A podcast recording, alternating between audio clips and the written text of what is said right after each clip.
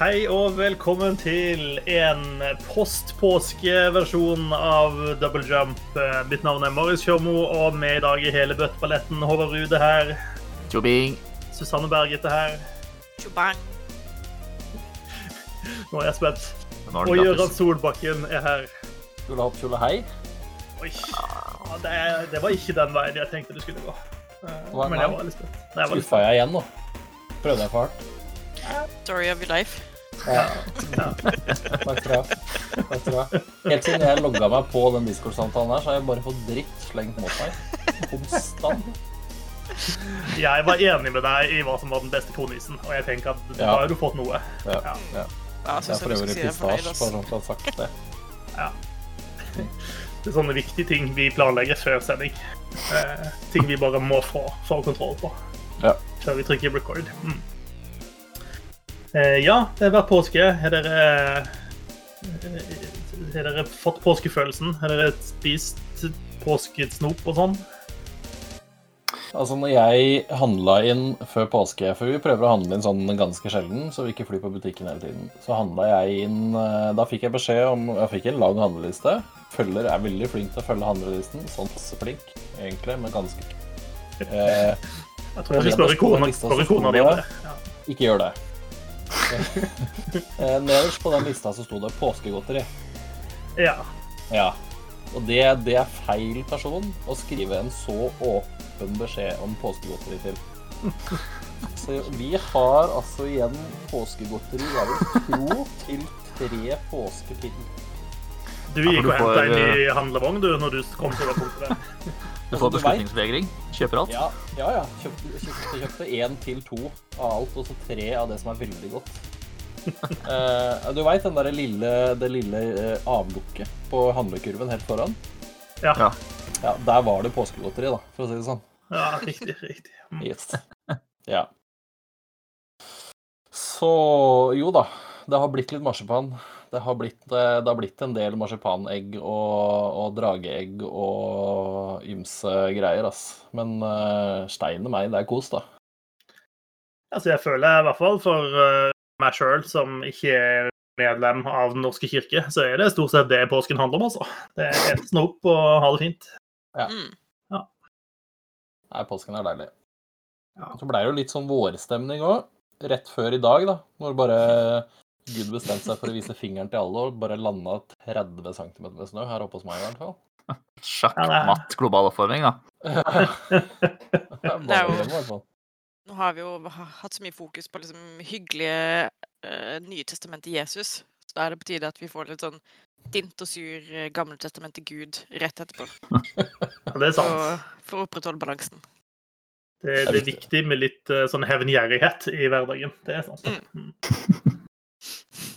Åh, OK, men har dere hatt tid til å game litt, da? Imellom på en måte alle snopfrots-sessionsene?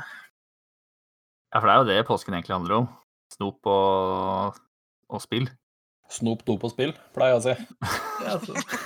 Hør på småbarnsfaren, da, gitt. Åh, ja. Mm. Ja, nei, det er vel derfor vi håper på mer eller mindre stenge ned samfunnet i påsken. Det er for uh, snop, dop og spill, ja. Mm. Ja. ja. Det, der, det høres litt det, det høres skummelt ut som uh, The Gathering, egentlig. Uh, det var vel var ikke snop, dop og spill sånn det, off, det offisielle taglinen et par år der. Ja. Kunne vært det, i hvert fall. Det er i hvert fall noen hvert år som drar med seg den andre komponenten i den regla der, ja. Nei, eh, vi skal ikke tøyse. Jeg tror, den, eh, jeg tror de anklagene har vært ganske overdrevet sånn eh, generelt. Men ja, litt gøy kan det jo være likevel. Uh, ja, jeg har i hvert fall gama masse. Uh, vi har en lang liste med spill vi skal prate om i dag. Eh, og jeg vet ikke, Gøran, om du har lyst til å begynne med masse skyting og sånt? Og skal jeg få lov til å begynne med rosinen i pølsa først? Ja, kanskje. Vi er, er flere av Hvis oss du som har sier Path of Exile nå, så klikker det for meg. Altså rosinen i pølsa. Vaniljekremen i bolla. Ja. Uh, jo, jeg har Altså, det jeg har brukt mest tid på, da, i, i løpet av påsken, og som har kostet meg mest uh, uh, våkne netter Kvalitetssiden er barna dine, si. Ja, ja, kvalitetstid Altså, det er jo litt av, litt av, ikke problemet, men litt av prioriteringen man gjør da når man har barn, er at man, eh, i hvert fall jeg da, eh, spiller veldig sjelden på, på dagtid. Eh, I hvert fall ikke når jeg har hjemmekontor og sitter på PC-en. Men Oops, no, eh, Spiller ikke så mye på utafor arbeidstid, er det det du prøver å si? eh, innafor arbeidstid, ja. Eh, nei, men jeg prøver stort sett å vente da til, til barna har lagt seg, i hvert fall hun minste, for disse to største sitter jo stort sett og spiller selv. Så det er på en måte Da er det ikke så farlig. Eh, men da, da har det blitt mye Outriders, da, eh, siden det kom. Det blei jo eh, Serverne blei åpna 1. april. Natt, altså klokken 00.01 1. april, så åpnet serverne worldwide. Og Da 0005 gikk de ned igjen, eller? Nei, jeg tror ikke det gikk så lang tid engang. Eh, vi kan jo ta det verste først, da. De har hatt en De hadde en ganske røff start. Det, det har de vært ganske åpne på selv også. Det var masse, Men har ikke, ikke alle sånne spill det? Altså, det er sånn, det, altså, jeg finnes jo ikke overraska i det hele tatt. Nei, altså jeg satt ikke oppe klokka tolv eh, for å spille det spillet, for det visste at det er ikke noe poeng. Altså I beste fall så får jeg muligheten til å spille det morgenen etter, men det heller gjorde jeg jo ikke. ikke sant? For det var jo, det var jo et serverhelvete, en annen verden. Sånn er det med alle sånne spill som er online. Det er ikke noe vits i å sitte på når de serverne åpner. Det er bare å glemme. Det er ingen som har greid å få det til. Noen gang. Men Gøran, er ikke Outriders et singleplayerspill? Jo, og her har de fått ganske mye PS. Eh, fordi det er, det er et spill bygd for eh, altså singleplayer, eller treplayer coop er det jo da. Eh, men det er også et alltid online-spill. Og det er jo egentlig bullshit at du ikke kan slå av det hvis du ikke har noe interesse av å spille med andre. Og her ligger mye av det problemet som de hadde i starten. Det er at selv om du spilte alene, du var ikke interessert i å matchmake med noen, du slo av matchmaking, du slo av crossplay, du slo av alt det der, så var det allikevel sånn at hvis serveren gikk ned, så fikk du ikke spilt. Eh, og så skjønner jeg på en måte sikkert Det er sikkert 100 sånne systemer og mekanikker bak det som gjør at du må faktisk være online for å få lagre prosesser og gjøre alle de tingene der, men det er allikevel tull, da. Så Men sånn er det nå engang. Det er et alltid online-spill. Eh, men de har de har jobba veldig intenst den første helgen med å rette på ting. De slo av crossplay mellom plattformer, og de gjorde en del sånne rettinger. Så det blei Etter hvert så gikk det an å få spilt. Eh, og nå ja, Siden siste uka, tenker jeg, så har i hvert fall jeg opplevd at serverne har vært ganske stabile. Ja, jeg har ikke hatt noe trøbbel heller siste drøye uka. Ja.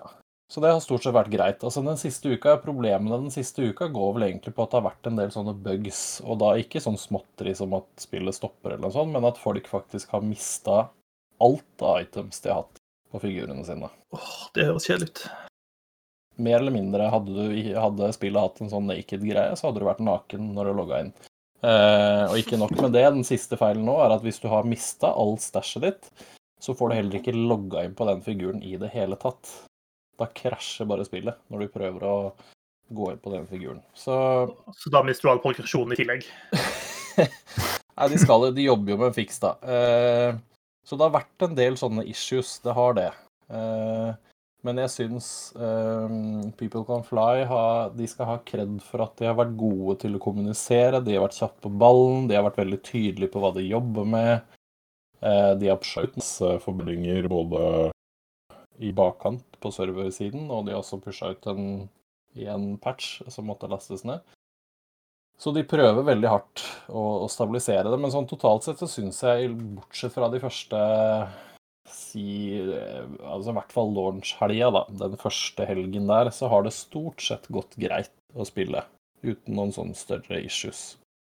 Og da er Outriders veldig, veldig gøy, syns jeg. Jeg har det kjempegøy med Outriders.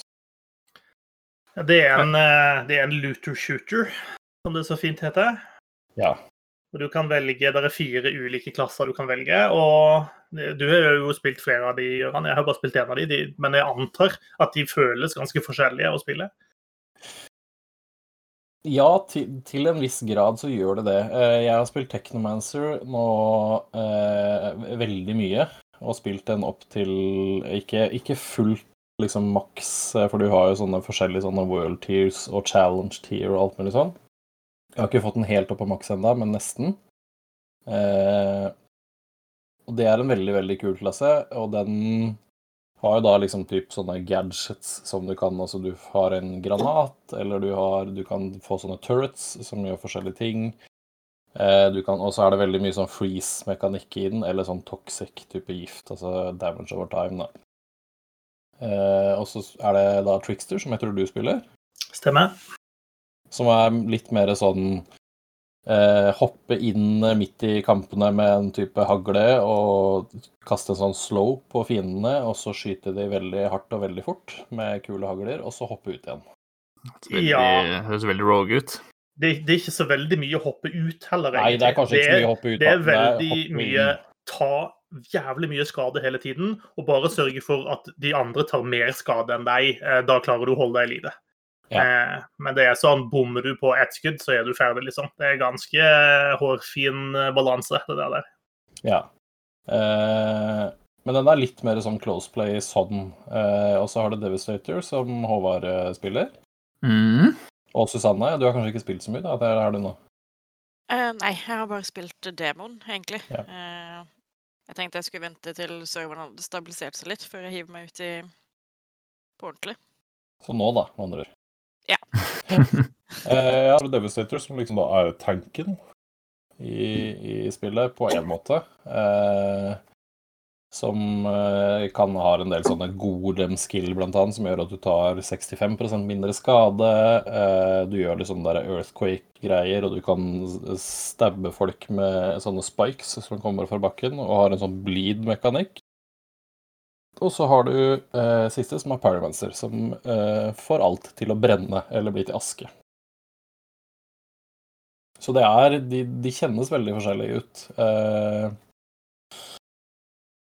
men samtidig så er de litt like fordi Altså i hvert fall opplevelsen min av når det kommer til endgame, og nå har ikke jeg spilt noen av de andre, bortsett fra Technomancer, på helt på endgame, liksom, er at der I all hovedsak, da, så vidt jeg har skjønt, så er der får du så innmari mye skade inn på de høyeste nivåene, så det eneste Enn så lenge, da.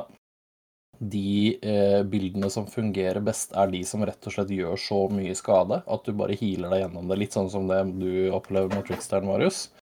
Er at du, du hopper inn, og så er det liksom bare Nå må jeg gjøre så mye skade at jeg får så mye healing inn at de ikke rekker å drepe meg før jeg har drept de. Jep. Ja. Ehm, men eh, sånn som teknomanceren min, så er det litt sånn jeg kan eh, kaste en sånn freeze som mer eller mindre fryser alle som jeg nesten kan se på skjermen. Eh, og så plukker jeg de da liksom litt ut etter hvert. Men, men de kjennes veldig forskjellige ut, og, og evnene er veldig unike til hver klasse. Og noen av de passer bedre med hagler, noen passer bedre med sånn. Og så det, er, det er en del sånne ting. Så jeg syns de, de har greid å lage fire gode klasser, selv om det kanskje har vært litt ubalansert eh, nå i starten. Så jeg har hatt det veldig gøy, i hvert fall med Technomanceren min. Veldig fornøyd med det klassevalget. Ja, så, ja, du kan få lov å begynne, Marius. Eller fortsette. Ja, nei, nei, bare kjør på. Hmm, Ja, øh, for jeg har også hatt det veldig gøy med um, Devastator, som jeg har ikke spilt sånn kjempe kjempemange timer akkurat, en til fire kanskje. Men uh, jeg syns den er kjempe kjempemoro. Um, hvor jeg da har fått det der skjoldet som gjør at jeg tar mindre skade, så jeg kan løpe opp close, Uh, gjøre en sånn earthquake-greier som uh, gjør masse skade, og ta frem en hagle og skyte folk på, på kort avstand. Det er da Devastator får en får tilbake HP.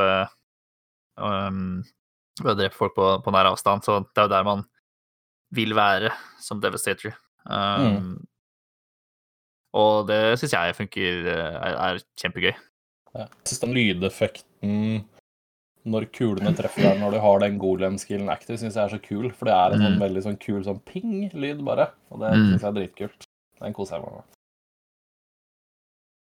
Jeg syns, ja, eh, syns tricksteren Eh, når jeg spiller med den, og i hvert fall når jeg har kommet på en måte et lite stykke uti og ting begynner å, å bli litt vanskeligere, eh, så syns jeg at jeg sitter med en sånn følelse av at det er ikke ment at du skal soloe dette spillet. I hvert fall ikke med den klassen.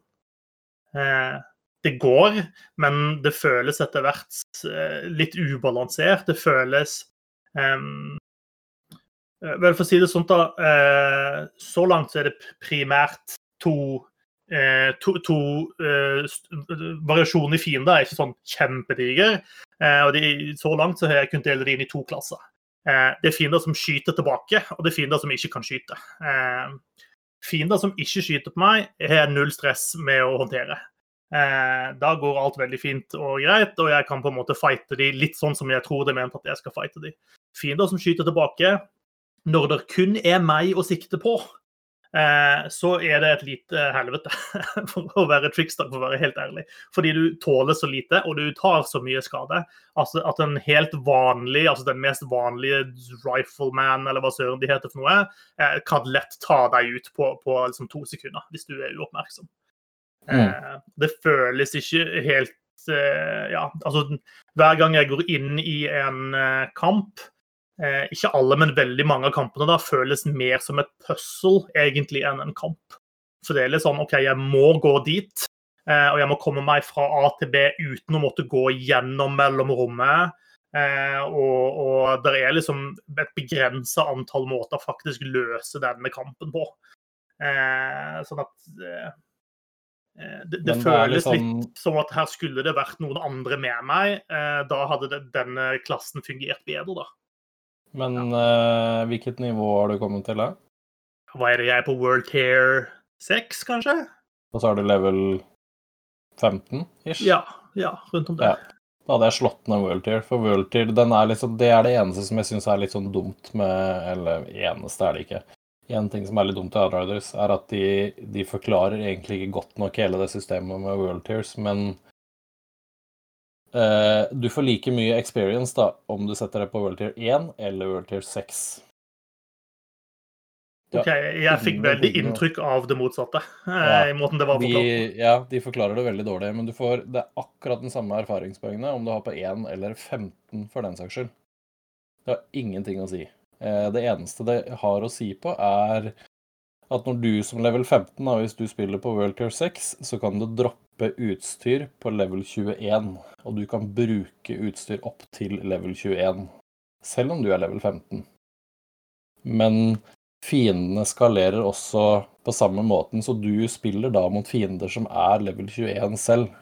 Mm. Hvis ikke alle gearpissene dine da er level 21, så tar du ekstreme mengder med skade, selv om bare én eller to pieces er typ level 17 eller 18 så tar du så mye mer skade enn hvis alle, alt utstyret ditt hadde vært helt oppgradert.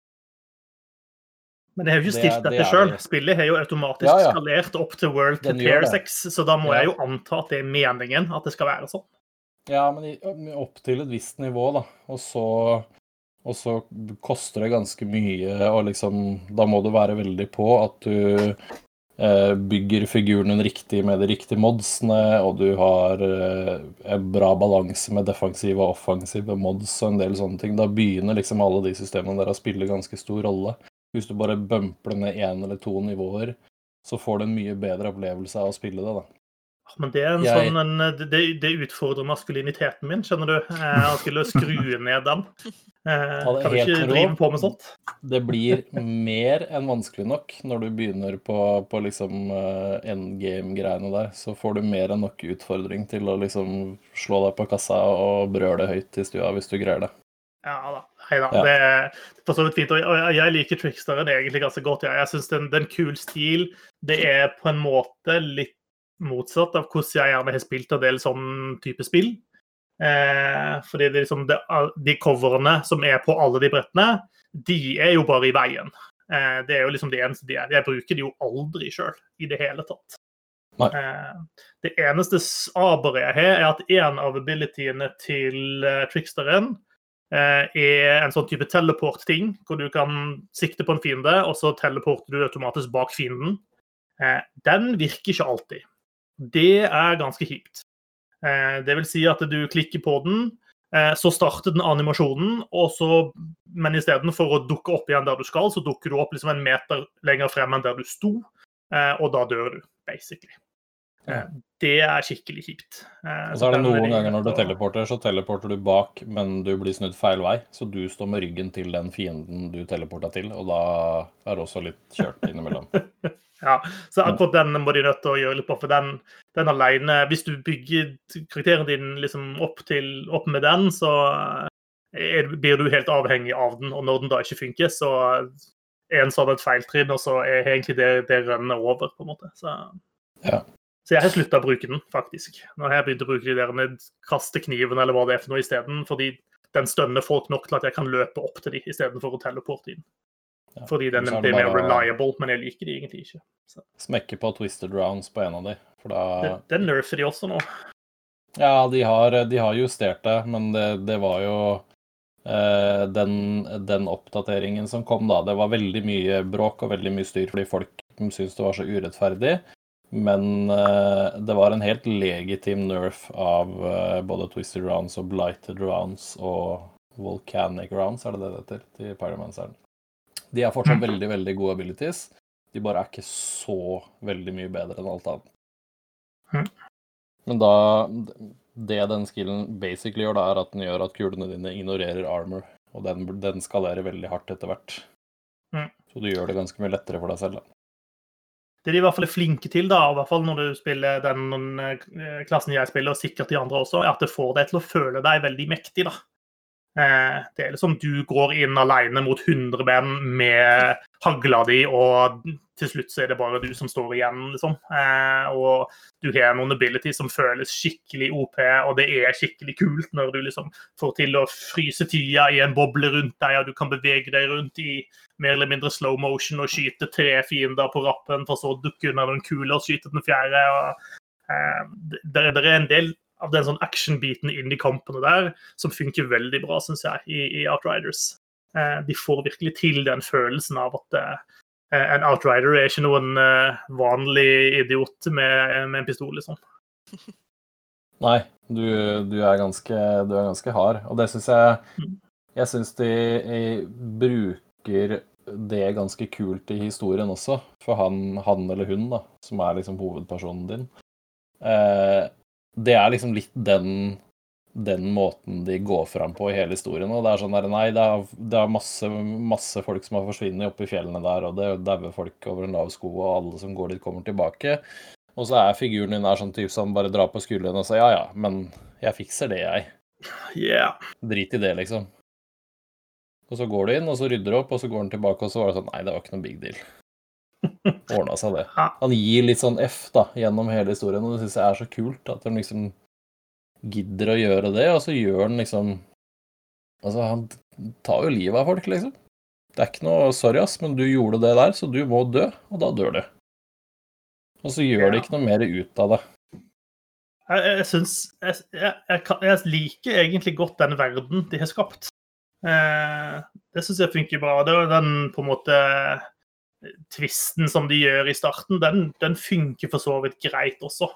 Eh, hvor, eh, ja, uten å spoile noe, så endrer verden seg ganske dramatisk etter på en måte tutorial-missionene og sånt. Eh, og, og eh, jeg syns de klarer å få meg investert i verdenen, da. Og jeg syns på en måte at den eh, de klarer å fremstille den som her er det noe som er litt sånn mystisk, og noe du har lyst til å grave mer i og finne ut av mer hvordan henger disse greiene sammen. Eh, jeg syns og nå prater jeg for meg sjøl her, vet jeg, men jeg syns som sammenligna med f.eks. Destiny, eh, så bryr jeg meg faktisk om denne verden her, og om de fraksjonene og hvorfor ting er blitt sånn som det har blitt. Eh, i, Destiny så jeg tror aldri jeg skjønte engang hvorfor jeg skulle bry meg om de forskjellige tingene og hvordan noe hang sammen. Eh, Men alle som spiller Destiny, har gitt opp å skjønne det. Ja, ja, nettopp. Ja, ja. Men, men, men i Outrider så føler jeg at du de, de, Den biten der er med å dra meg inn i spillet, da. Eh, og gjør at jeg har lyst til å fortsette å spille. Eh, den er ikke bare Ja. til pynt. da. Ja, jeg synes det er gode, sånn uh, overall så syns jeg det er ganske mange gode, gode figurer. Og jeg syns, det, jeg synes historien holder seg bra eh, gjennom hele spillet, og det er jo mye der. Altså, det er jo Jeg vil tippe hvis du bare kjører historien, så må du fort opp i 25 timer før du er igjennom, liksom. Mm. spørs litt på hvilken vanskelighetsgrad og sånn du spiller, selvfølgelig. Og hvis du rusher det, så går det mye fortere. Men jeg tror jeg var på Jeg sier jeg brukte 20 timer da, på å spille meg ferdig med historien. Da hadde jeg også da mer eller mindre maksa figuren min fra demoen, ikke sant. Så jeg blåste gjennom de første nivåene ganske fort. Gjør du alle side missions også, da? Eh, nei, nå er jeg eh, Jeg tror jeg er Jeg tror jeg har en ti sideoppdrag eller noe sånt, så har jeg gjort alt av innhold i, i Outriders på den, på den Technomanceren min. Da. Det er alt gjort. Cool. Uh, det har jeg tenkt å gjøre. Jeg er faktisk ikke så langt unna å få min første sånn platinum på, på PlayStation, så, eller på Sony sin. Så det tror jeg kanskje jeg skal gå for. Ja. Samla 284 av 300 sånne sider eller noe sånt, så ja, jeg tror jeg skal være, være en av de som får den. Men uh, jeg, jeg syns det, det, er veldig gøy. Jeg syns historien er bra, jeg syns verdenen er bra. Jeg syns du varierer områdene bra nok, selv om altså kamparenaene er ganske like. Det er ikke noe du vet veldig godt når du runder et hjørne, og så ser du hvordan det ser ut, så vet du veldig godt at å ja, her kommer det fiender. Den, det, det, er liksom, det er veldig Gears of War, da, i at du kjenner igjen alle kamparenaene. Du vet at her kommer det fiender, selv om det egentlig skal være overraskende. Så vet du at det kommer. Her Ser Men, du et knehøyt cover, så vet du at nå er det ja, fiendetid. Det... Ja, ja. Men det gjør liksom ikke noe, fordi kampene er så kule. Eh, og når du liksom gjør ferdig historien, og det blir et type endgame og sånne ting, nå skal ikke jeg spoile noen ting av det, så eh, kan du også Altså Én ting du kan gjøre, er å liksom eh, type grinde opp world tier sånn at du får den på maks. Det er opp til 15. Eller så kan du gjøre også noe som da heter disse expeditions. Det har de 15 stykker av. Den går også fra 1 til 5, og det er en, eh, en progresjon som er litt ved siden av world tier, som, som blir vanskeligere. Men som gjør at du da igjen kan få enda høyere sånn item level-greier, da, ikke sant. Sånn at hvis du er på challenge til 15, så kan du ha utstyr opp til level 50. Selv om du stopper på level 30 selv, da. Og der, er det, der blir det ganske tøft etter hvert, altså. Og en del av de nivåene der er veldig kule. Det er veldig kult designa, det er bra Veldig, veldig bra utfordring og, og, litt sånn. Jeg er ikke noen sånn kjempefan av at de premierer basert på tiden du bruker. Fordi da blir det litt sånn jagete eh, hele tiden, fordi du liksom stresser med å få Altså si du har Hvis du greier det på under 15 minutter, så får du gull. Da får du mer lut enn hvis du greier det på 20, da får du sølv, ikke sant. Og så er alle sånn, da. Og det er litt sånn Jeg syns ikke det alltid er så kult, da, å hele tiden måtte stresse med å være så innmari effektiv, men samtidig så tar det ikke så mange sånne forsøk før du har begynt å lære deg litt brettene, og da går det stort sett ganske greit. Og så kommer du til noen sånne progresjonsstopp der du liksom virkelig må prøve å fin, finpusse på utstyret ditt og bilden din og få ting Få liksom synergiene til å spille sammen, sånn at du kommer deg videre. Jeg syns jo det er kjempegøy å drive med sånt. Jeg skjønner at det ikke er for alle, men uh, akkurat her er det veldig, veldig morsomt, altså. Jeg synes de, altså Det med å få de ulike abilityene og sånn til å funke, og det å ha på en måte de riktige modsene på våpnene som komplementerer abilitiesene dine og sånt, det, det kan jeg synes er ganske kult. Men det der med sånn evige jaget med at du hele tiden plukker opp 100 nye våpen eh, som du er nødt til å kvitte deg med, med 99 av, og så bytter du ut det ene du hadde med et nytt et, det, det, gir meg absolutt ingenting, altså. Det er sånn dette er bare tidtrøyte. Dette er bare item management som, som, ikke er noe moro for meg i det hele tatt. Ja. Eh, det er greit å drive og oppgradere våpen og sånne ting, men sånn, jeg løper jo rundt som en idiot og prøver å finne hvor kan de ha gjemt en kiste stående bak her. Eh, og så plukker jeg opp den grønne og den blå lysende dingsen som kom ut der, men jeg kikker jo ikke på det engang. Det er liksom bare med å fylle opp sekken min. Eh, for det kan jo være at det er en mod i et av de våpnene som jeg skal bruke når jeg oppgraderer våpenet mitt igjen. Men ja. ja. Jeg syns de har ganske altså, relativt gode systemer på plass da, for å liksom se Hvis du merker alle de blå gjenstandene dine, f.eks., så kan du gå ned og hovre over den der eh, knappen, så får du se akkurat hva du får hvis du dismantler alle de du har marka nå. Mm. Og se om du får noen forskjellige mods eller ikke, da. Så du kan etter hvert bli ganske effektiv på det, men det er riktig det. altså, Spesielt i endgame så er det jo det er jo et itemspill, ikke sant. Du, du gjør sånne runs, eller du tar noen sideoppdrag, eller du gjør hva det enn måtte gjøre, da, for, i håp om å få en gjenstand som istedenfor at den har max health pluss, så har den bonus firepower som en av de tre modsene, ikke sant. Det, du kommer til det nivået etter hvert. Men Ja. i starten så er det ikke Da er du ikke der. Og du kan jo Du må ikke pushe hele veien til liksom challenge tier 15. Det er, det er ett sånt, eh, sånt eh, expedition som er låst bak nivå 15. Ellers er resten er vel Noen er låst på typ 8-9 eller noe sånt, tror jeg, men du får tilgang til veldig mange av de allikevel. Mm. Det er en ting som jeg, jeg lurer litt på, for det er du som har spilt spillet håper jeg, hele veien ut. Eh, fordi nå har jeg spilt til level 15, og jeg er litt der at jeg syns at en del oppdrag blir ganske repetitive. Eh, spesielt jeg driver og gjør alle sideoppdragene som dukker opp langs veien også. Eh, og jeg synes ikke at variasjonen i fiender er stor nok, eller jeg tror i hvert fall at det er, at det, er det som er på en måte et av grunnene som gjør at jeg føler det er litt eh, repetitivt. da.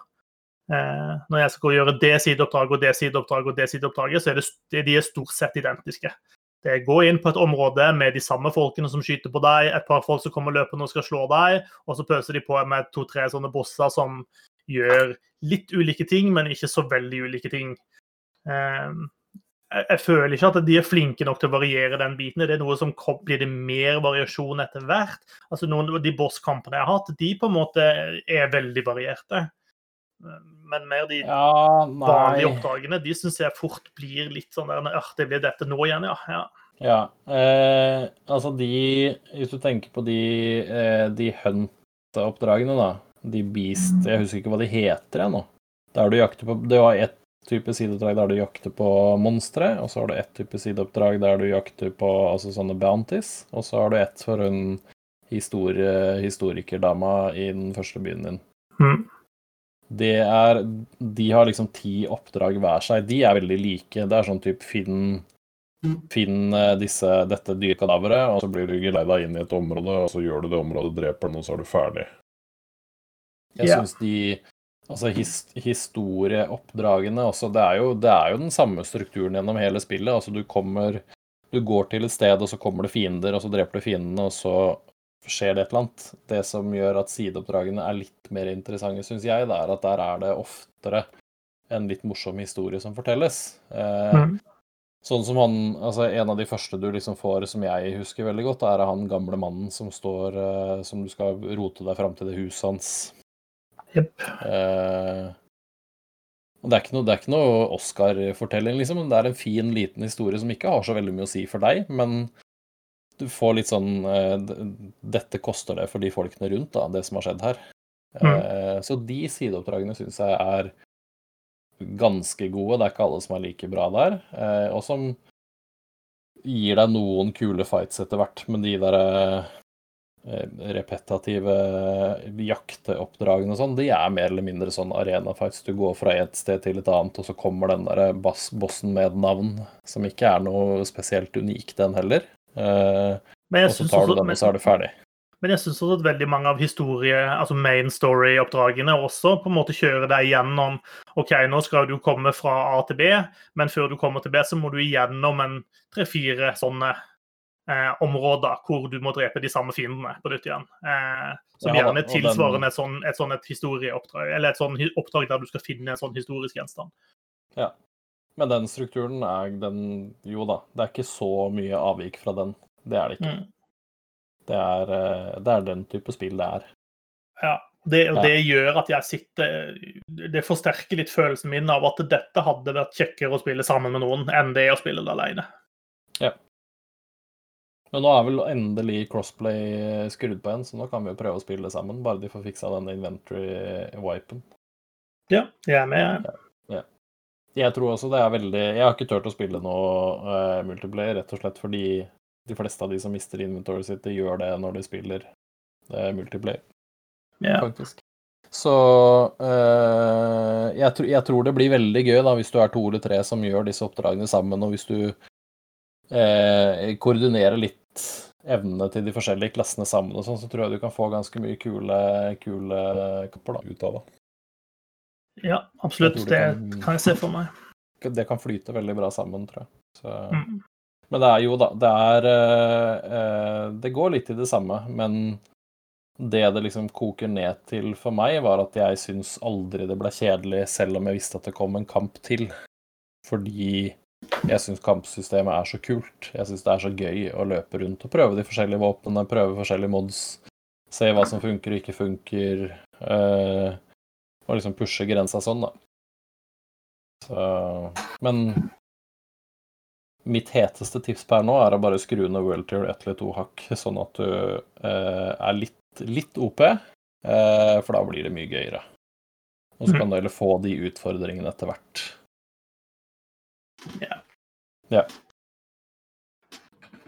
Godt tips. Men eh, ja, i utgangspunktet bra spill. Mye, mye kul action i Outriders. Riders, Helt uh, definitivt. Så det. Men uh, du har jakta skurker i andre, andre spill enn Outriders også, du, Gøran? Ja, jeg har for så vidt uh, ikke så mye skurker, kanskje, men monstre i hvert fall. Ja, de er litt skurkete, er ikke det? De er litt skurkete, jo da, de er det. De driver og stenger noen sånne trade-ruter og sånn, så de er litt skurkete og litt uh, rampete av seg. Uh, jo da, jeg har spilt uh, ikke så mye Monster Hunter Rise som jeg har spilt Outriders, men jeg har spilt det, rukket å spille det litt, i hvert fall. Nå som jeg begynner å liksom bli kanskje litt ferdig med Outriders, ikke kommer til å spille det så hardt, så skal jeg spille det enda mer. Men det jeg kan si, da, er at så langt så har jeg litt dårlig samvittighet, for jeg var litt skeptisk til Monster Hunter Rise, fordi det er så inni gamperæva kult. Eh, der har de Jeg vet ikke helt hva de har gjort, sånn eh, Men det er, det er liksom bare og det er litt sånn, Nå kjennes det ut som jeg repeterer meg selv, men det er bare gøy å spille Monster Hunter Rise. Det er skikkelig, skikkelig moro. Alle eh, Å liksom gå inn på en ny hunt, finne de nye monstrene, skjønne liksom Prøve å lære deg litt sånn angreps eh, Hvordan de angriper, og animasjon og sånne ting. Og lære våpenet og kjenne og bli bedre med det. Eh, utforske de nye områdene, finne ut hvor du liksom har alle snarveiene og alt mye sånt. Så er, det er så mye morsomt å gjøre i Monster Hunter Rise, og kampsystemet flyter så bra. De nye eh, sånne switch skills og sånn Jeg skal ikke sitte her og nerde masse Monster Hunter, for det, dere vet vel veldig lite om det sånn sett, tror jeg. Men du har fått en del sånne nye switch skills som du skal bytte ut, der du har forskjellige sånne valg på hva du vil ha til alle våpnene. De er, der er det veldig, veldig mye kult. Eh, og så er det så mye Det er så mye morsomt, bare. Sånne småting. Eh, det er Altså, disse kattekokkene er jo tilbake, men nå lager de en helt annen type mat. Eh, de starta pizzasjappe? ja, de lager noen sånne små sånne boller av et eller annet greier. Jeg vet ikke. Det er veldig morsomt med en sånn teit sånn animasjon hver gang de skal lage noe sånt. Ehm, så jeg, jeg, jeg skal ikke si noe mer om det før jeg har spilt sikkert 100 timer til. Men Monster Hunter Rise er skikkelig, skikkelig gøy. Det er ordentlig morsomt. Og jeg tror det kanskje er et bra sted å begynne Monster Hunter på. Hvis du aldri har spilt det før, så tror jeg kanskje det kan være en god sånn inngangsport til de spillene. Gateway Eh, drug.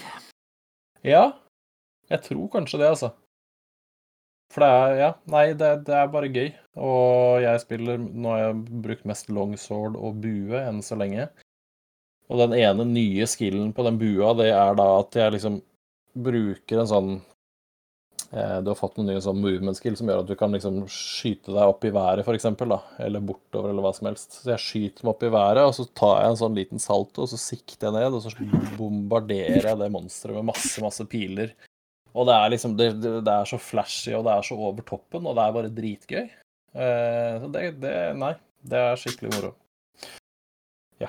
Jeg syns jeg så at jeg hadde solgt eh, fem millioner kopier allerede, så du er ikke den eneste som syns at uh, Monster Hunter Rise er moro. Nei, jeg tror det har eh, sånn overall så tror jeg det har blitt veldig godt mottatt, faktisk. Av eh, stort sett alle. Så Eh, Etter eh, Jeg veit ikke jeg vet ikke hvor mange timer jeg har spilt det nå, men det er, eh, jeg kan allerede trygt anbefale det. Det er skikkelig morsomt. Veldig kult kul bra. combat og veldig kult. eh, Bare det, det er så mye morsomt her. Det er en sånn I, i byen da, så har du en sånn derre typ treningsdokke, som er en sånn mekanisk sånn paddeting. Eh, og det hadde de ikke trengt å gjøre noe mer ut av, men denne paddetingen den blir styrt da av en sånn katt eh, som heter De heter det i Monster Hunter Rise. Eh, og det som sitter liksom oppå toppen av den, da. Men når du stønner denne padda, så hopper den katten. Den hopper fysisk ned fra der den sitter, og så må den dra i gang en sånn derre sånn der svær sånn derre trekke opp-greie. Som da står og jobber og sliter med for å trekke i gang og sette i gang dette monsteret. igjen. Og så er det liksom stønnen over. Så begynner den å tikke igjen, og så hopper den opp på plassen sin igjen og skal liksom begynne å styre. Og det er helt sånn totalt unødvendig greie, men det er så morsomt at de gidder å legge inn sånne smådetaljer, da. Og sånn er det liksom overalt. Kult. Mm. Ja, det er Bra at Monster Hunter Rise er morsomt, fordi jeg vet at det neste spillet du har på lista di, det er ikke noe morsomt i det hele tatt. Jeg visste du kom til å bite fra deg. Du bruker, benytter enhver mulighet til å, til å si noe dritt om Diablo 2. Og det er Ja, greit, det. det, det fortjener det, så det er greit. Vi, Ja. vi kan leve med å være uenige der, vi. Eh, nei da, jeg har spilt noen timer med Jeg fikk eh, lov til å teste Diablo 2 Resurrection for, for gamer i helgen. Det var en sånn teknisk alfa, som de kalte det, der de liksom skulle teste litt forskjellige ting. Så det var et utvalg med mennesker som fikk prøve det. Resurrected, tror jeg det heter. Resurrected heter det kanskje, ja. Mm. Det kan nok hende. Nå må jeg sjekke om jeg har skrevet det riktig på gamer, for det håper jeg virkelig har gjort. Det, det, der, det. det er der du har skrevet 'Resurrected', så det var derfor jeg Ja. antok at det var det det het. Men uh... Takk. Eh, jo, eh, der var det Der fikk vi spille som tre klasser. Du fikk spille som Amazon eller eh, Barbarian eller Sorceress. Og du fikk spille gjennom de to første liksom, kapitlene i spillet, eller aktene i spillet, da. Og eh, Vicarious Vision er dritflinke på remakes. Det skal de ha. Uh, sånn veldig kort fortalt da, så virker det som om det som jeg har sett så langt da av spillet, så virker det som om de har gjort mer eller mindre nøyaktig det samme som det de har gjort i Tony Hawk. De har lagd Diablo 2 sånn som jeg husker at Diablo 2 var for 20 år siden. I Ja. en moderne innpakning. I moderne innpakning, med moderne grafikk, moderne animasjoner, alt mulig sånn. Det ser, det, det ser egentlig ganske pent ut. Burde ikke være sånn- bringa nå, Marius. Få høre at, eh, at Diablo 2-remaken er eh, akkurat sånn som det var for 20 år siden. jeg er dødstruslene klare allerede, så det er bare å trykke på senden. Ja. Nei, det, det, det er liksom konklusjonen jeg kan dra da etter, etter å ha spilt det i helgen. er at det, er, det ser ut som de bare gjør akkurat det, det, det samme en gang til, bare med et helt annet spill. Og helt annet. Så det, jeg veit ikke åssen magikere som er der, men eh, jeg tror de sitter på en eller annen tidsmaskin eller noe sånt. Gudene vet. For det er eh, Områdene ser like ut, men det ser ikke like ut. Eh, alle spells abilities ser like ut, men det gjør ikke det.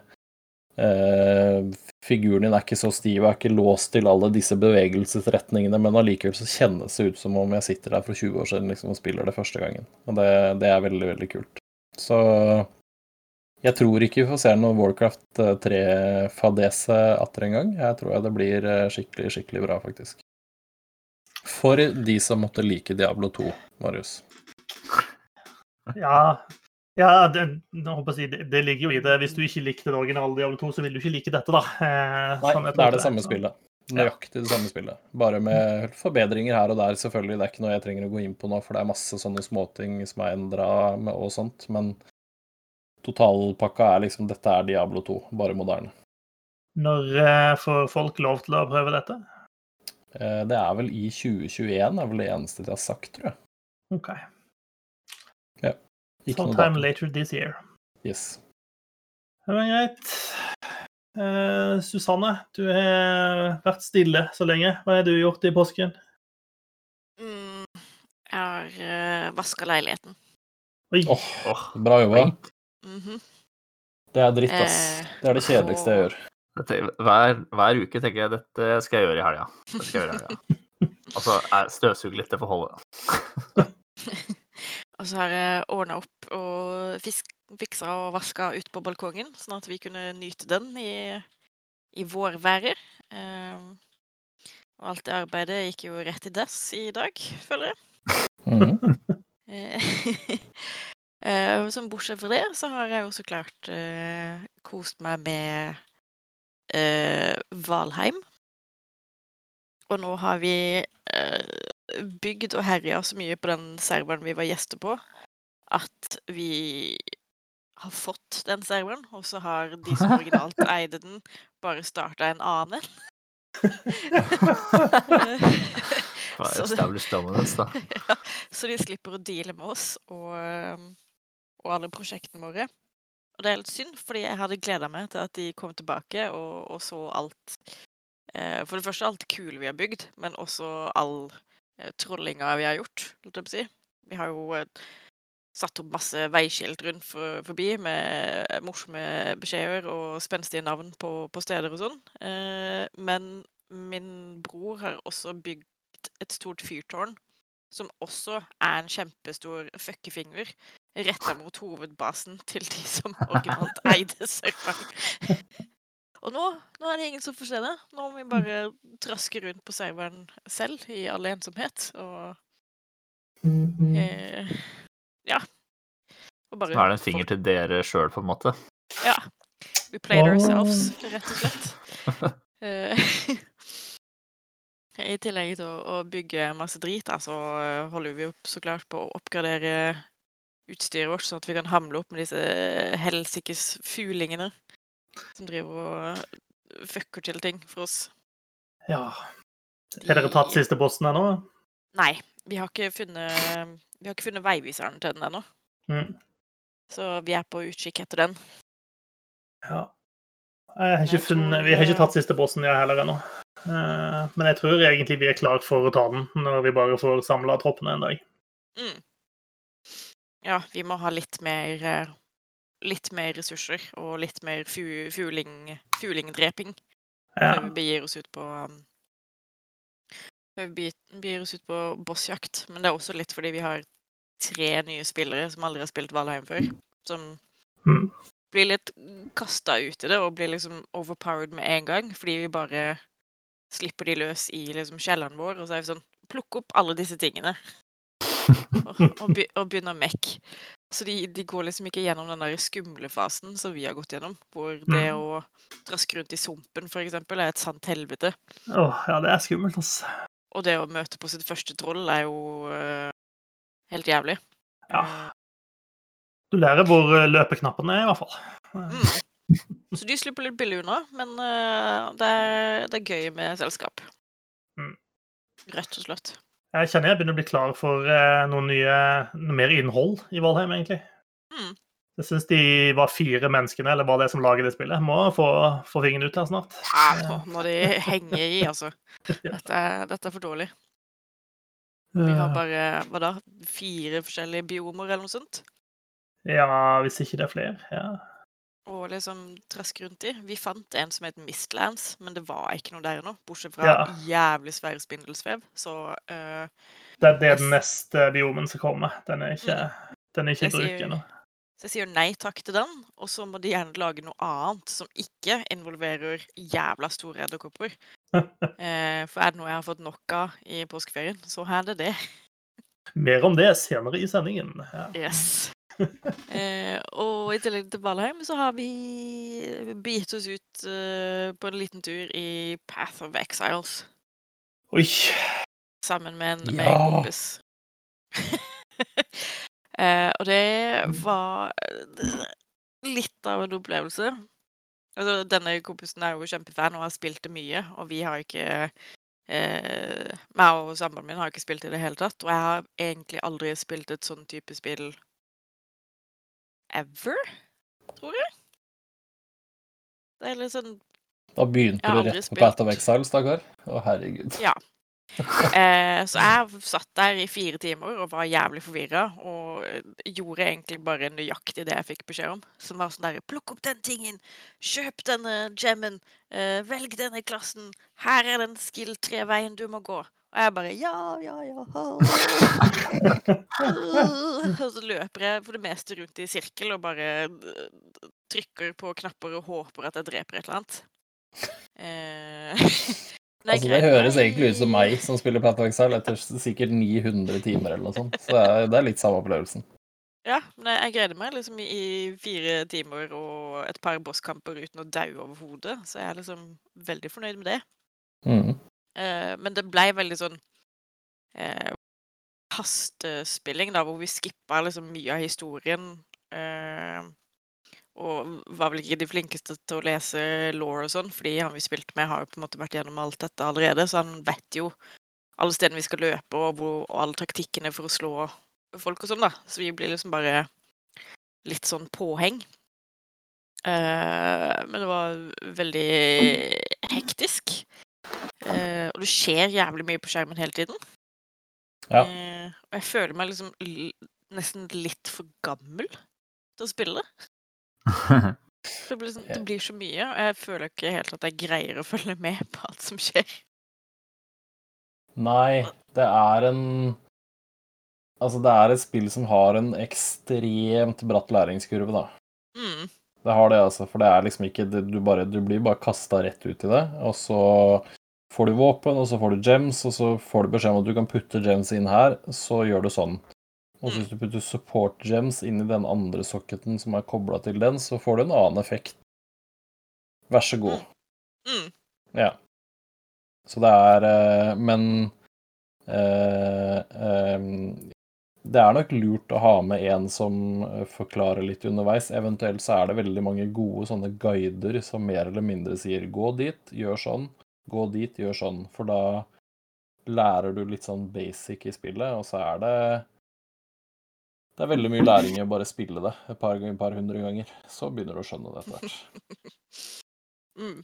For det er liksom det er masse sånne, sånne småsystemer i spill som er Som jeg ikke skjønner noen ting av, eh, men som durer og går i bakgrunnen, på en måte, som du må bare finne ut av ved å faktisk spille, da. Ja. Eh, sånn som at du skal liksom identifisere lut du plukker opp, og da blir det kanskje noe kult, og så tjener du ikke penger, men du tjener noen sånne eh, papirlapper og noe drit som du kan bruke til å identifisere flere ting for å selge for mer papirlapper og noe drit. Eh, og hadde jeg ikke visst bedre, så hadde jeg jo solgt alle papirlappene og så vært litt sånn Jeg beholder dette lutet. Hvor er pengene mine? på en måte. Mm. Eh, så det er, det er veldig mye å sette seg inn i. Og jeg prøvde liksom å finne ut av dette med gems eh, mellom hver sånn ekskursjon ut i dette drittlandet hvor alt er ute etter å drepe deg. Og så var det veldig mye sånn Ja, skal vi dra snart? Er du ferdig? Har du kjøpt det du skal kjøpe? Og, og sånne ting. Og jeg bare «Åh, Jeg prøver å lese hva denne support gemmen gjør. Og hvor jeg skal putte den. Jeg tror eh, Jeg tror hadde jeg vært deg, da, så hadde jeg kanskje lagd en ny figur og så spilt litt i mitt eget tempo og så tatt tiden og liksom prøve å skjønne det. For det er veldig eh, Det er et ganske enkelt system, bare du liksom Bare du skjønner basicen på det, så er det ganske Selv om det er veldig, veldig komplisert, og du kan sette sammen gems som du tror kanskje funker sammen, som egentlig ikke gjør noe fordi den ene gjør sånn at den andre ikke funker Altså, det er masse greier der. Men Mm. sånn veldig basic, da, så tror jeg det er lurt å bare prøve seg fram litt. For det er liksom det Den store, store styrken til Path of Exile, syns jeg, da, er at du kan velge å spille det litt sånn som du vil selv. Mm. Du kan velge å liksom ta deg god tid, følge historien, du kan gjøre sånn. Du kan eh, prøve å min-makse og gjøre ting veldig fort der, eller du kan spille en av de 117 forskjellige sånne spillene som er i Path of Exile, med liksom Delve eller med eh, boss fights eller Altså, det er så mye der. Så det er liksom bare Gjør litt det du har lyst til, typ. Mm. Altså, jeg syns det virka veldig interessant, og jeg kommer jo garantert til å spille mer. Det var bare så enormt overveldende å bare bli kasta ut i det. Eh, i sånn, Ja. Med liksom bryterskrudd hele veien opp til 11 istedenfor 1, hvor den burde ha vært. Ja. Ja, det er, eh, det, er, det er ekstremt. Og så er det liksom, hvis du søker på YouTube, så er det sånn Path of Exile Starter Guide, så er det 900 000 forskjellige videoer, som alle er sikkert én time lange, i hvert fall. Mm. Ja. Og så skjønner du ingenting når du har sett det. Så jeg fikk veldig mye sånn Ja, det hadde vært fint om du kom bort hit og hjalp til med å liksom drepe disse fiendene. Og jeg bare Ja, men gjør jeg ikke det, da? Er det ikke der jeg er? Er det ikke de fiendene jeg holder på med nå? Åssen klasse spilte du? Jeg spiller Witch.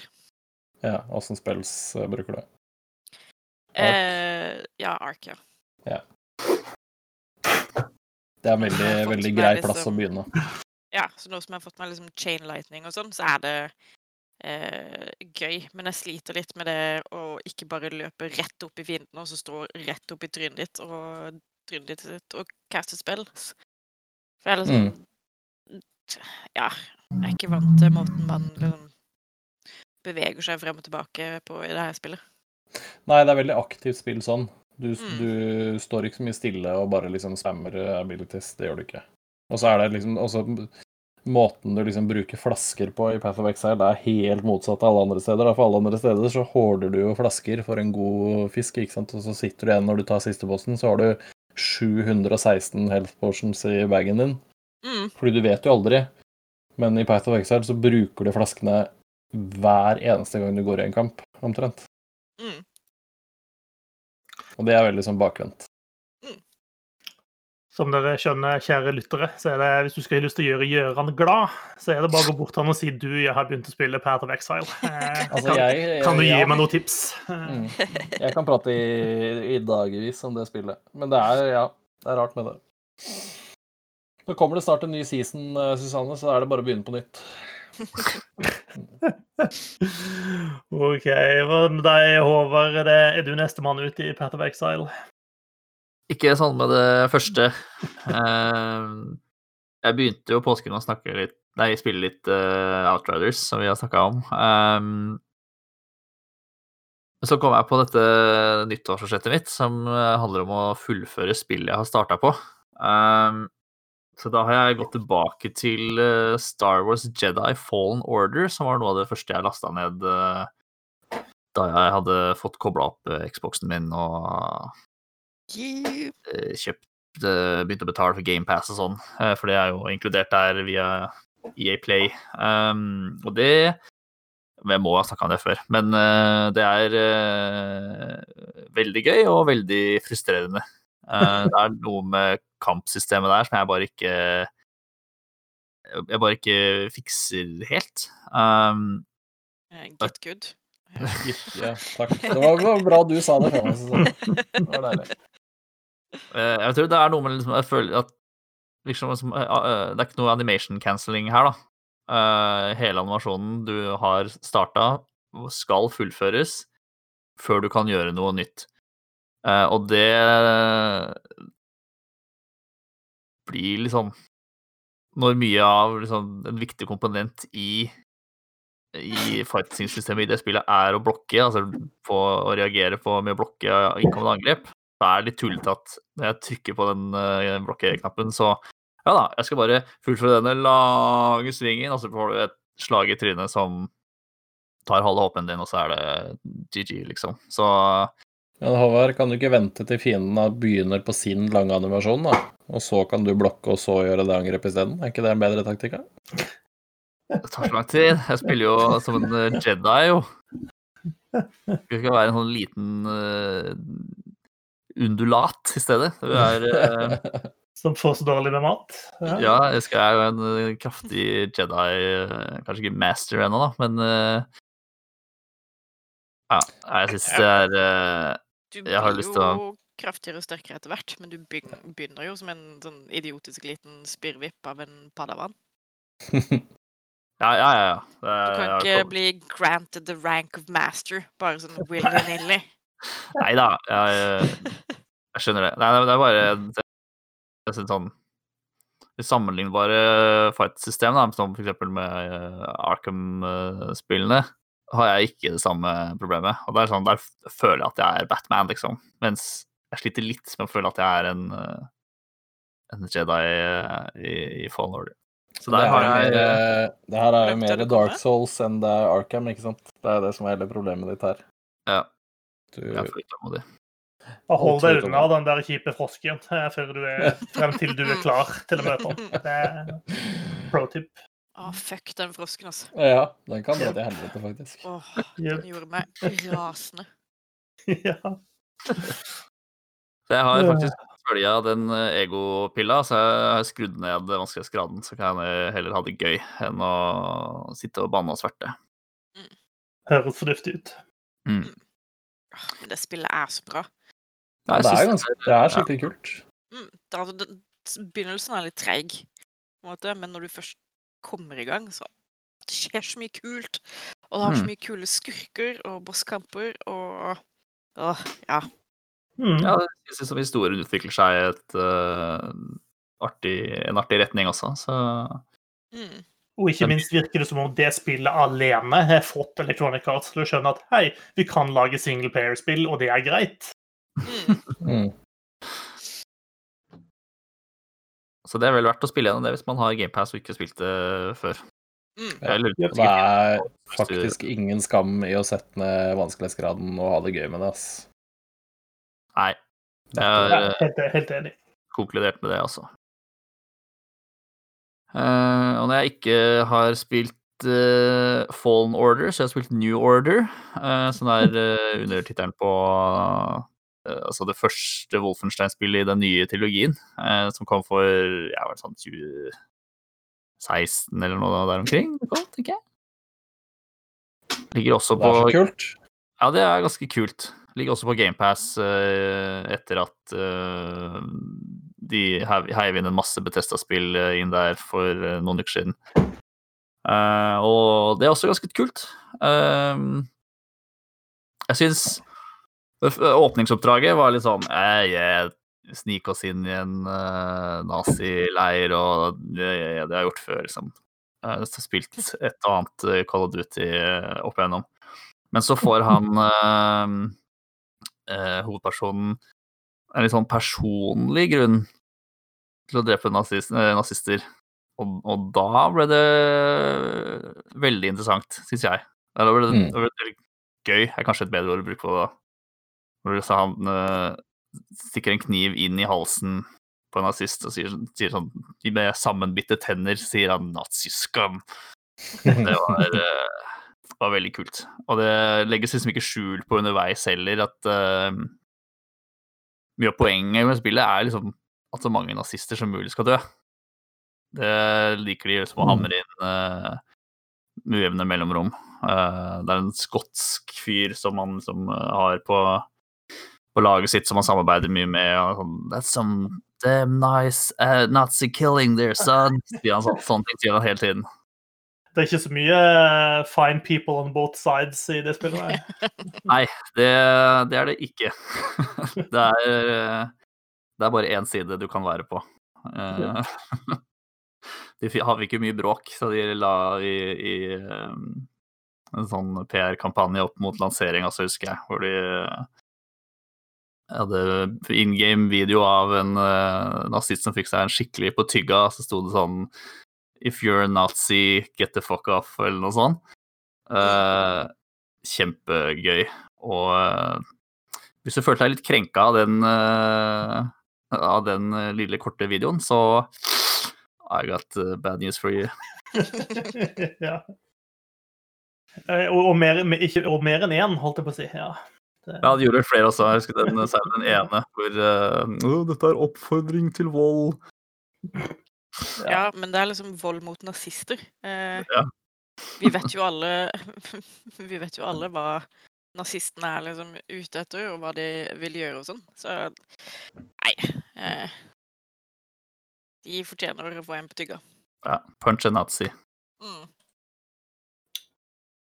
altså, Ja, jeg jeg jeg, jeg, syns de fleste ting kan være legitime skurker i dataspill, jeg. Eh, altså, du kan være en, eh, en gås som går og plager en stakkars gartner, liksom. Altså, det, det går an, det også.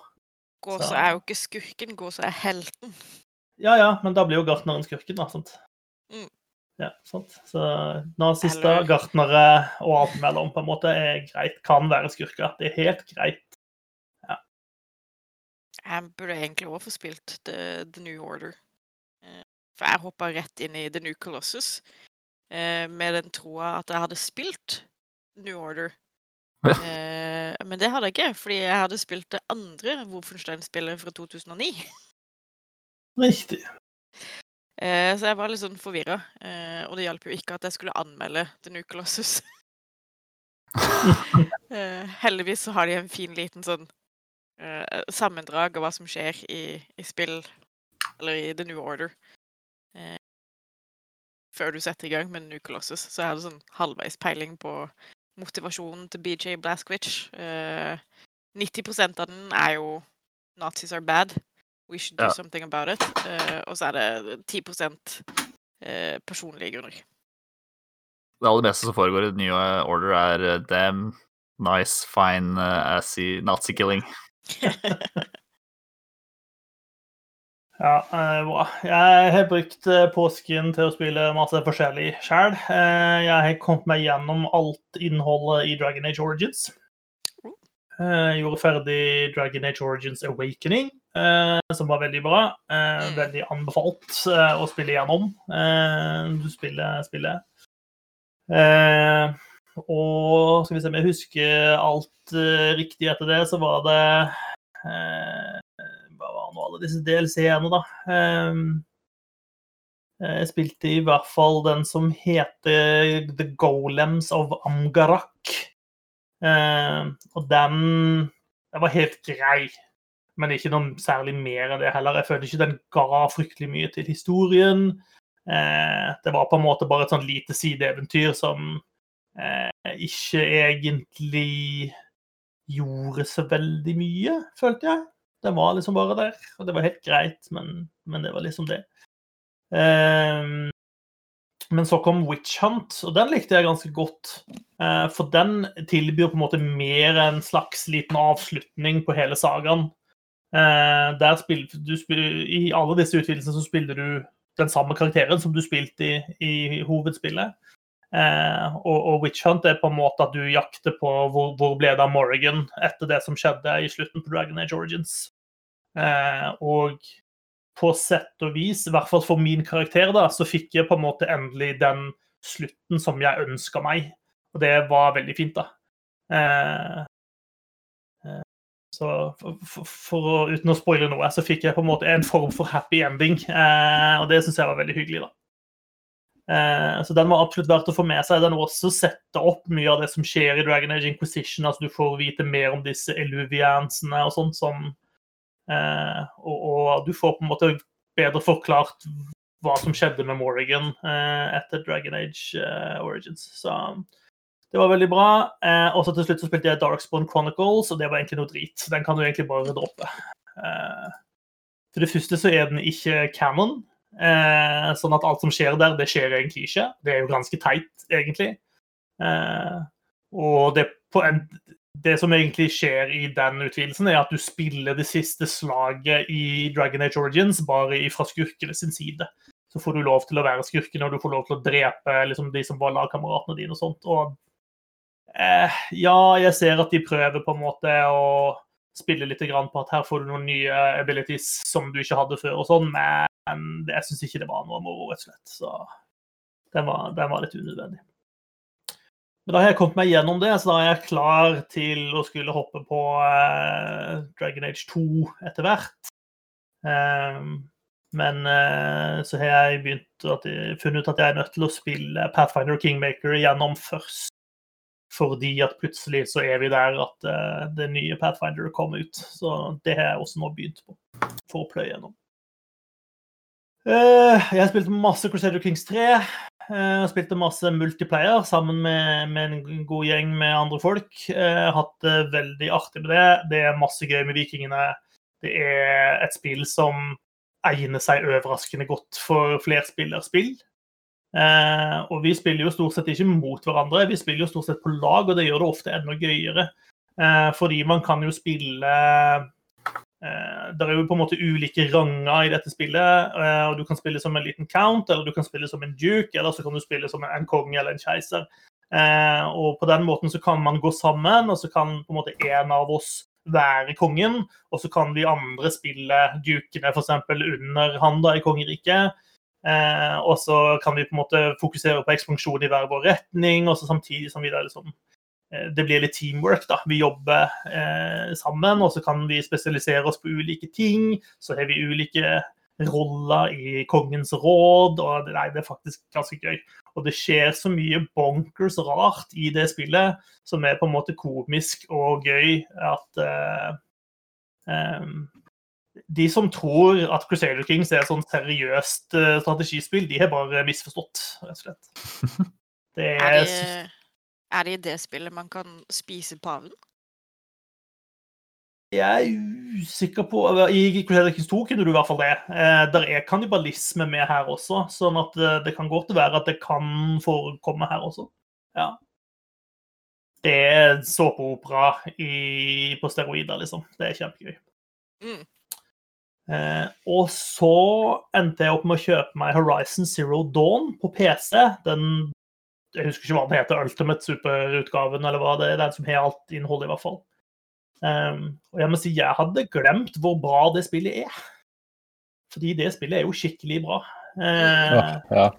Så jeg, nå har jeg liksom på en måte spilt igjennom på en måte hele starten, da, og helt til du kommer deg ut og liksom, du får komme deg ut av det liksom innelukka området som den første triben holder til i, og verden åpner seg liksom opp. da.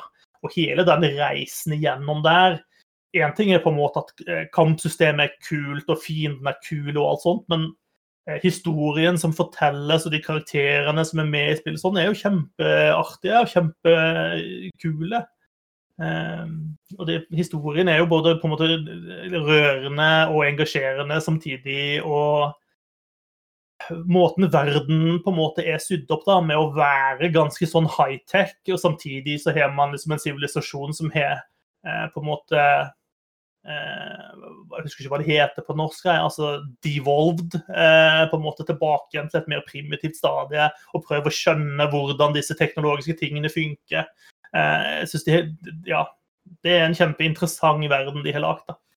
Um, jeg er litt spent på videre, fordi hvis jeg husker riktig fra forrige gang, så ble det litt sånn Verden er så veldig stor at det ble litt sånn overveldende etter hvert. Når du liksom kommer ordentlig ut og, og sånt. Eh, men jeg skal prøve å styre etter Håvards eh, nyttårsforsett og liksom keep going, sånn at jeg får unna det, for det gjorde jeg ikke forrige gang.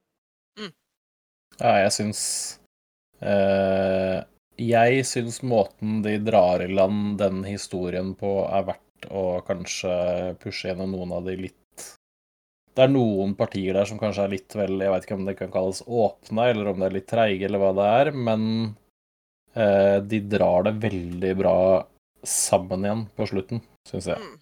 Altså, jeg er jeg syns det er liksom historiefortelling på veldig høyt nivå. Mesterlig nivå, syns jeg. jeg. Ja.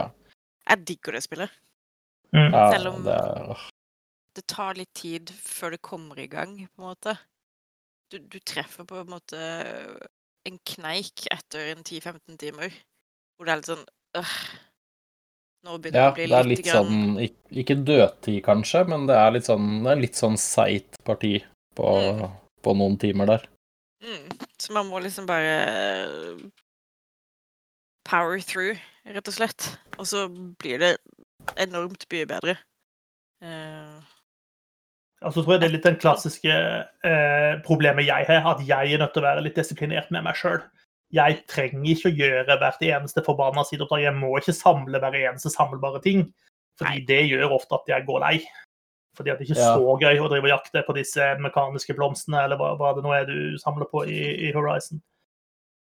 Det er sånn erketypisk som progresjon for meg i sånne spill, er at jeg gjør alt 100% på én, to, kanskje tre soner, og så bare faller det mer og mer ned, og de siste så er det mer eller mindre sånn smakk, bare historie ferdig. Ja. mm. Ja, man, må liksom, man må velge sine kamper. holdt på å Si. Man trenger ikke 100% av alle spill. Nei. Nei, det er helt sant. Nei, og akkurat i Horizon så kan man jo Man kan jo gå tilbake og gjøre alt det dritet etterpå. Og så Mm. bare fokusere på hovedhistorien, fordi den er lang nok, den. Til at du har Mm. mer enn nok å, å gjøre de neste ja, 20 timene, liksom. Definitivt. Yes. Så der tror jeg jeg har mye godt spill foran meg også fremover. Mm. Eh, men jeg har også spilt en ting til, og det vet jeg at dere også har spilt, fordi vi hadde bokklubb eh, gjennom påsken. Eh, og vi spilte Grounded, eh, som er et Honey I Shrunk the Kids survival-spill lagd av Obsidian. Mm. Og det er i en slags early access. Eh, jeg tror ikke det er det det heter på, på GamePass. Det heter vel en sånn game preview eller noe sånt, tror jeg. Men, Jeg tror det er akkurat det det heter, ja. ja, men, men det er early access, basically. Ja. Det er det samme konseptet. Um, og jeg og Håvard og Susanne kjørte hardt på og spilte dette i lag. Ehm, Og det var jo skikkelig gøy. Det var kjempegøy og helt forferdelig. ja. Mm. Eller ja, skrekkelig, kanskje. ja. Det, var, det var fælt på en god måte. Ja. Jeg tror, eh, jeg tror aldri jeg har skreket så høyt av et spill i hele mitt liv. Nei, jeg må si det, Susanne. Det der eh, imaget du har bygd opp av å liksom være en sånn beintøff eh, gamer, det fikk seg noen skudd for baugen eh, i Altså, grounden, det altså. kollapsa eh, 100 i, i møte med en viss eh, var, var det en Huntsman Spider, eller var det en uh, Wolf Spider? Det var opptil flere av de. Ja. Eh, For du er jo Du krympes jo ned. Du er uh, kortere enn et gresstrå i dette spillet. Um, og da blir jo alle blir omgivelsene enorme, da. Uh, og det gjelder jo alt, liksom Fra små larver til uh, enorme edderkopper. Um, og de edderkoppene, de er altså så kvikke og så ekle. og de verste holder til nede i helt mørke huler. Som du og Susanne klarte å snuble nedi og miste alt utstyret deres i, selvsagt. Ja. Eh, det, det var en da- kalkulert uh, risiko. Og da man, er vi dårlige i matte. Ja. Og da var det sånn, Marius, du, du har alt utstyret ditt, så du er nødt til bare å oppholde den edderkoppen mens vi sniker oss inn bak den og henter tingene våre. Å, gud bedre. Jeg hadde vært så redd i et dataspill noen gang. jeg. Nei, dette her går jo fear og det meste en høy gang. Eh, The Medium er ikke lenger det skumleste spillet jeg har spilt i 2021. Nei. eh, 100% grounded. Ja. Men, men sp sp spillet er veldig pent, syns jeg. Eh, Mm. Ting ser fantastisk flott ut når du, er de, når du er disse små kidsene som løper rundt. Og, og det har jo en sånn survival-oppbygging, at du driver og samler sammen ulike ressurser. og Så kan du bygge deg et lite hus, og, eh, og, og etter hvert så kan du bygge ganske mange kule ting, egentlig. Eh, Men det at ting ser så livaktig ut og sånt, det gjør også at det Altså, det er jo ikke akkurat det første spillet som har skumle edderkopper i seg. Alle spill har fuckings edderkopper i seg. Outriders er en kjip edderkopp-boss i seg, liksom. Men de er ikke i nærheten av å, være, av å gi den der sånn skikkelig sånn ugne følelsen som det disse fiendene gjør i Grounded, altså. Mm. Eh, og det er noe med at det føles så livaktig på et vis. mm. Liksom, Nei, jeg syns verdensdesign og sånn, altså bare øh, visuelle stilen og design og måten de liksom har satt hele det greia sammen på, syns jeg er ordentlig, ordentlig kul, altså. Ser, jeg synes det er, det er morsomt å bare løpe rundt i verden og se på alle disse små tingene som nå er store. Mm. Syns Mm. jeg er gøy i seg selv i, i Grounded. Så ser så du det det jo- rasler i gresset foran Ja, deg. Og da. OK, Ja. det er noe stort på vei. Jeg snur. Det er terrifying når du er liksom ute og utforsker og må liksom finne Finne et sted å bygge en base, og du må ha mat og du må ha vann, og så plutselig ser du gresstråene liksom bare bøye seg til side, fordi her Uh. kommer det noe jævla svært nå. Er du heldig, så er det en marihøne. Er du uheldig, så er det en edderkopp. Så plutselig kommer det liksom fire mygg flyvende og skal ta deg, og da er det jo bare å løpe til du ikke kan løpe lenger, holdt jeg på å si. Eh, Ja, myggene i The Grounded er omtrent like plagsomme som de i Valheim. Ja. Uh, Jeg husker Ja. vi ble overrumpla av en edderkopp som bare dukka opp ut av intet. Vi hadde eh, funnet en sånn, en sånn base som vi som i utgangspunktet skal være liksom trygg, i hvert fall fra edderkopper. da. Mm. Eh, så sto vi skulle lage oss et spawn point, og sånn, og så plutselig så deisa det nærmest en edderkopp over oss. Vi skrek alle sammen. og det var... eh, Løp inn i basen og smelte igjen døra. Nei, det, Det var det ikke var noe sånn derre you shall not pass-øyeblikk der. Det var bare sånn dra til helvete, jeg skal først inn den døra. Mm. ja, Ja, det var ikke noe stand fight der, nei. Nei. og ikke bare det, vi måtte gå gjennom eh, ild og tørt gress for å finne en annen vei ut, for det var ikke snakk om å gå den veien ut igjen av den bassen. Så vi måtte pløye oss gjennom ei diger maurtue for å komme oss ut på andre siden. Ja, det var liksom Vi risikerer heller eh, drukning eller det å dø av eh, tørst. Eller å bli spist av liksom 100 000 maur enn å gå ut den døra hvor det kanskje står en edderkopp og venter på Ja. oss. Så det, det spillet har liksom sånn uh, ender av spekteret. Altså, uh, så står du sånn og bokser en uh, kvist for å få litt tre, og eh, skraper opp litt ressurser her, ressurser, ressurser der. Alt er fredelig, og så lager du deg en vest, kanskje, og så havner du i en kamp om død og liv med en uh, edderkopp som er sånn 15 ganger størrelsen din. og sånt. Det er uh, flott. Det er flott. Kontraster er ordet jeg lette etter. Ja, for det er jo et spill som kontinuerlig påminner deg om at du er en liten dritt i en Mhm. verden. Altså, du er lavest på eh, næringskjeden her, liksom. Mm. all, nesten alle andre ting her er mektigere enn deg og kan drepe deg. Og så vil jo du etter hvert bygge deg opp og få bedre utstyr og eh, kunne forsvare deg i bedre grad, men alt i denne verden er skummelt og stort eh, og farlig. Eh, og det er en ganske kul kontrast til en del andre sånne spill, da, eh, hvor, hvor du ganske raskt blir eh, I hvert fall kommer deg opp på et visst nivå. Eh, og det er jo virkelig sånn selv på en måte, Vi bygde jo en liten base mer eller mindre der spillet starter. Og det skulle jo ikke mer enn at du gikk liksom 20 meter ut fra den, så vips var det en fiende som du ikke kunne slå, så du måtte bare legge på, på sprang. Mm. Eh, men det, det, det er kult, jeg liker det. Og det er, men det er på en måte, altså, hvis du sammenligner det med f.eks. Valheim, da, som jo er et survival-spill, det også, så er det bygd opp på en litt annen måte. Her er det vel maks er det maks fire spillere, jeg tror. Eh, og så vidt jeg skjønner, så er det ikke lagt opp på den samme måten. Altså, jeg tror ikke du kan liksom ha en separat server som vi kan spille på uavhengig av hverandre. Det er liksom mer lagt opp til at du skal være et team på maks fire som spiller dette i lag, da, og så må man sannsynligvis spille sammen hele tiden. Det er i hvert fall sånn jeg har fått forståelse av at det, det, det er satt opp. da. Ja, det kan nok hende. Faktisk. Så er det, litt, det er nok kanskje noe mer historiefokusert også. Kan, det kan godt være at spillet egentlig dras litt imellom den survival-biten og det at du skal oppdage nye ting. Eh, eller ikke oppdage nye ting nødvendigvis, men altså du skal følge en historie igjennom. da. Eh, og jeg er litt spent på om hvor godt spillet til sjuende og sist, når det er ferdig, balanserer de tingene.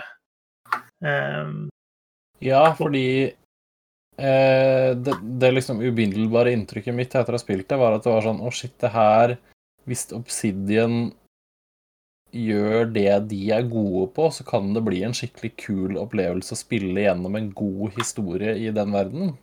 mm. For det kan de jo. Altså, de kan jo fortelle historier. Det er liksom Men jeg, det er veldig sant det du sier, altså at det blir liksom spennende å se om de greier å balansere spilltypen med historiefortelling. For det er ikke nødvendigvis så lett. Nei, og selv når vi tre vi løp jo rundt som hodeløse høns stort sett da, eh, når vi spilte, men det var litt sånn eh, helt i starten sånn OK, vi må, få, vi må få opp en base fordi det kommer til å bli natt, og da har vi ikke lyst til å være ute, i hvert fall. Eh, så da var det liksom løpe rundt og finne de ressursene vi trengte for å få opp noen vegger og noen utrolig stygge, dårlig tillagte tak. Eh, sånn at vi, vi skulle ha noe å, en dør å kunne, kunne låse eller lukke, i hvert fall. Eh, Men så var det liksom sånn Ja, OK, du løper den veien for å finne noen ting, og du løper den veien og følger historien, mens jeg prøver å finne ut av hvordan jeg lager kule puntegjenstander i huset, liksom. Eh, jeg, av og til så føles det litt som at den survival-biten på en måte jobber litt imot deg. For det er litt sånn Jeg har lyst til å bli her og bygge en kul base, men historien tar meg egentlig langt vekk herfra, og et helt annet sted. Eh, og Det kan jo godt være at de finner en god måte å løse på etter hvert, men, eh, men, men det føles som litt som at det kanskje her er der noen ting som jobber litt mot hverandre da, i, i sjangeren på spillet, på et vis. Mm. Ja, det blir spennende å se åssen retning de tar det. For det her er jo bare en bit, bitte liten smakebit, egentlig. Det er ikke så, det er ikke så mye spill her ennå. Jeg synes De har vært ganske kreative synes jeg, med måte tingene du kan bygge, da, eh, og Mm. utstyret du kan få. og sånt, For alt er jo på en måte at du finner små gjenstander og insektrester og sånne ting, eh, som du da kan lage ting ut av. Eh, og det blir egentlig ganske kult. Eh, at du på en måte kan lage deg eh, Fant, fant noen sånne harde nøtter, eksempel, så kan du lage deg en rustning av nøtteskall. Eh, og de ser ganske Det ser ut som om du ser ut som en liten unge som har lagd en rustning av nøtteskall, og det er ganske kult, da. Eh, ja. Eh, eh, og bygningene du bygger, de er liksom lagd av OK, her har jeg faktisk lagd et eh, Her har jeg vevd sammen noe gresstrå, og sånn ser det ut også. Eh, jeg, jeg, jeg liker det grafiske uttrykket veldig godt i spillet, eh, men eh, spill det med en venn, fordi dette var, det var altfor skummelt alene, i hvert fall. Ja. Ja, det er eh, eh, Altså, den edderkoppen i Outriders er ingenting mot de som Nei. er her. Nei. Ingenting, liksom. Så, nei, jeg og, jeg og sønnen min, eh, det er han jeg har spilt det med, for jeg fikk jo da ikke vært med dere, dessverre. Så vi har allerede bestemt oss for at nå skal vi bare la det ligge, og så skal vi vente til det kommer og spille det sammen da. Fordi vi hadde det kjempegøy. Og han var ikke like redd for edderkopper som dere, eh, så jeg sto bak han. Jeg er ikke flau over å innrømme at jeg sto bak han. Du bruker liksom kiden din som, som menneskelig skjold. Ja. Ja, han skaper seg. Ja. Det er sånn uh, ungdommelig eh, dumdristighet. Du, ja. Man du bygger, eh, bygger karakter, er vel det Mm. man pleier å si. Ja. Ja. Ja. Jeg syns det var morsomt. Jeg syns det er en imponerende, imponerende liten smakebit. Og så er det veldig spennende å se hvor de liksom drar det hen, med, sånn med tanke på historie og videre. Men uh, det er skikkelig gøy, det som er der. Og det er veldig vellagd og veldig kult uttrykk på det. Ja, jeg synes det var kjempeartig. Jeg er nesten litt sånn overraska over at det har vært, ikke vært mer eh, blest om det enn det det har vært, egentlig. Uh... Jeg tror det var mye blest, men det er så lite spill. Så jeg tror det var sånn typ mye blest en helg, og så var alle ferdig med det. ja, nettopp. Ja. Ja, da må de fortsette å, å få ut eh, innhold. Ja. Hvis fire, fire kids i Sverige kan få ut Valheim som, eh, og Obsidian klarer å pumpe ut litt innhold her, de også. Yes, nei, men Veldig bra. Eh, Vi må ha en ny bokklubb, men vi har jo ikke diskutert hva vi skal spille. Så det må vi rett og slett bare komme tilbake til, tror jeg. Ja, det var det vi skulle gjøre før vi skulle begynne å spille inn. Så skulle vi bestemme den nye bokklubben. Ja. Så begynner vi å snakke om Kronis i stedet. Ja, sånn skjer det. Da ramla vi rett ut. At... Men det, det får vi rett og slett bare komme tilbake til. Eh, nå har vi holdt på så lenge at jeg lurer på om vi bare nærmer oss å skal runde av. Det har ikke vært så veldig mye nyheter å ta av egentlig i påsketida. Deathloop utsatt igjen, nå til 14.9. Vi kommer Eh, tidlig i sommer, skal vi ikke? Og juni eller noe sånt? Mai var det kanskje? Mai tror jeg til og med det var. Mai Ja. var det. Mm. så de drev og skjøv på det. Eh, Days Gone 2 blir ikke noe av. Eh, jeg har ikke helt fulgt med på det, men der har det vært noe sånn Twitter-storm-greie. Eh, jeg fikk inntrykk av at det var han vår gode venn Jason Schreier som egentlig slapp den nyheten, eller noe sånt. Og så ble det masse styr og masse fanboys som mente dette var fake news og alt mulig sånt. Ja, noe, noe Twitter-drama i hvert fall knytta opp rundt eh, den biten der. Eh, men mye tyder på at vi får en remake av The Last of Us. Ja. Men vil noen ha det? Trenger vi det, på en måte? Ja. Ja. Det er et spørsmål som mange stiller seg, i hvert fall. Altså, det, det er mange som har liksom tenkt Hvorfor? Trenger vi Skyrim på 27 forskjellige konsoller og plattformer? Ja. Har vi det? Ja. Eh, Uh, hva, hva var poenget ditt med det? her? Problemet er at var- Last of Us kommer jo på et veldig begrensa utvalg av plattformer. Mm. Hadde man kunnet spille The Last of Us på eh, Alexa eh, og smartkjøleskapet ditt, så Kanskje. Kanskje. Nei, jeg tror Altså, remakes Jeg tror det Det er feil å si at det er lettjente penger, men jeg tror det er en ganske grei måte å, å få en nytt slugg på. Uansett. Det kan godt være. Ja. Det, men det virker som at liksom, internett sin eh, holdning til dette var litt sånn meh. Ja. Ja. Og så kommer det, og så selger det 15 millioner kopier. Og så sitter eh, i dag der, og så bare ler de på vei til banken. ja, det kan være. Kommer remake av Last of Us 2. Ja, på tide Denne gangen så har Abby enda større armer. oh, ja. Det er usannsynlig.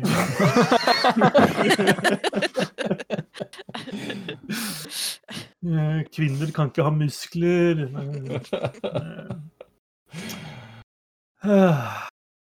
Ja, jeg tror vi gir oss jeg, med de eh, vise ordene. Ja. Ja. Eh, Takk for at du hørte på. Eh, Jeg og Håvard Susanne og Gøran setter veldig pris på at du lytter til oss. Gi oss gjerne en lyd om du syns eh, det er noe spesielt vi bør preike om, eller om vi må slutte å prate om Path of Exile. Eh, Gi hei. beskjed om det. Eh, Jeg antar at hvis verden står og spiser, så er vi tilbake igjen om en ukes tid. Og så skal vi klare å finne ut av hva vi har tenkt å spille i bokklubben til neste gang. Eh, Hei så lenge. Snakkes på det. Ha det. Bye!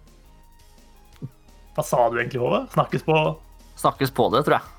Uh, vel litt usikker på hva jeg skulle si. Snakkes da, ha det på badet, eller ha det da, eller noe sånt. Vil du at vi skal ta det på nytt, eller? Vil du ha sesong to? Nei da, bare ta med Snakkes på det. Snakkes på det.